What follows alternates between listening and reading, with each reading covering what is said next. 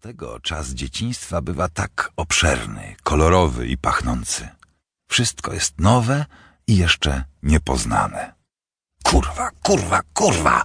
krzyczy nagle. Nie w jakiejś konkretnej sprawie. Tak ogólnie, do życia i świata. Zawsze rano jest zaplątany w sobie, ale prysznic go rozplątuje. Zanim Franciszek wejdzie do kabiny, spogląda w lustro. Worki pod oczami. No, powiedzmy woreczki. Zmarszczki nad brwiami. Te brwi mają ochotę zacząć siwieć. Wysokie czoło z zarysem pierwszych zmarszczek. Włosy już rzadkie, z białymi pasmami i dwie głębokie bruzdy na policzkach, jakby przeszedł nimi stary oracz z pługiem. Kąciki ust, które kiedyś biegły do góry, teraz poszły w dół. Jego twarz będzie wkrótce luźnym workiem na czaszkę, jak u wszystkich starych ludzi. Wyjmuje siusiaka. Kiedyś był z niego dumny. Teraz zdaje mu się żałosny, jak wyrostek robaczkowy. Kiedy siusia próbuje zaczerpnąć z tego aktu choć odrobinkę przyjemności. Siusia długo i jakby z trudem. Pewnie powiększona prostata, czyli gruczoł krokowy. Obrzydliwa nazwa. Za często siusia. Ale boi się pójść do urologa. Raz się zapisał. Okazało się, że to kobieta, więc zrezygnował.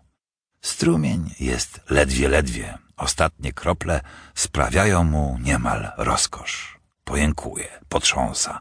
Ściąga spodnie od piżamy i koszulę. Ma za duży brzuch. Obrzydliwość. Wchodzi do kabiny prysznicowej. Puszcza wodę. Jej pierwsze uderzenie boli. Ale po chwili jest już dobrze, coraz lepiej. Jego sytuacja jest trudna, ale nie beznadziejna. Odpływ przytkany. Wszystko się psuje w tym mieszkaniu. Woda układa się w lejek i znika leniwie, ale pewna swego.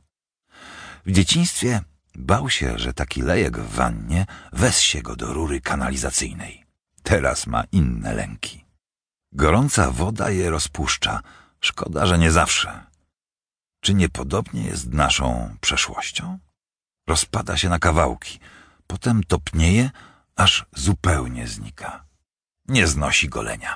Jest wtedy skazany na zbyt długie patrzenie w swoją twarz. Jeśli patrzymy na siebie krótko, dawne oblicza nakładają się na to ostatnie i tworzą życzliwy filtr.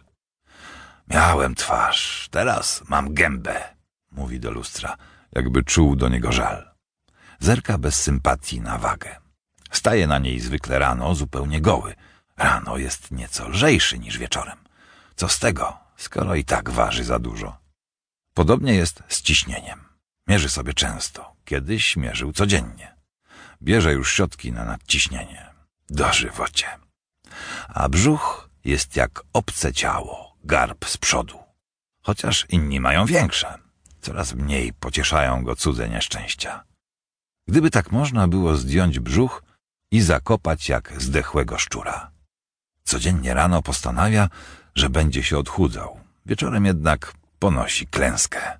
Podjada dlatego, że jest mu źle lub średnio na duszy, a jak wiadomo, istnieje tajne połączenie między żołądkiem a duszą.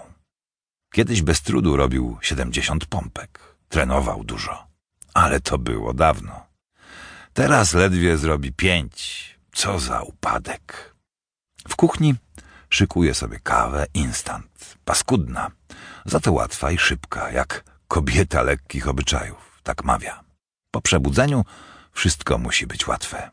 Nie ma siły na komplikacje. Do kawy spożywa rogalik z miodem.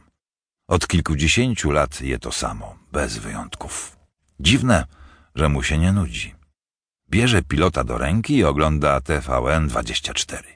Pilnie śledzi wydarzenia w Polsce i na świecie. Ciekawe, co dzisiaj złego zdarzyło się w ojczyźnie.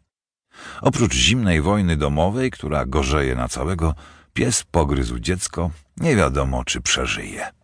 Biedne dziecko i biedny pies. Co zwierzak jest winien? Jest stworzony do gryzienia, jak on do cierpienia. We wsi Maciejów czarne Audi wpadło na drzewo. Dwie osoby nie żyją. W innej wsi mąż zabił żonę lub na odwrót. Tak bywa.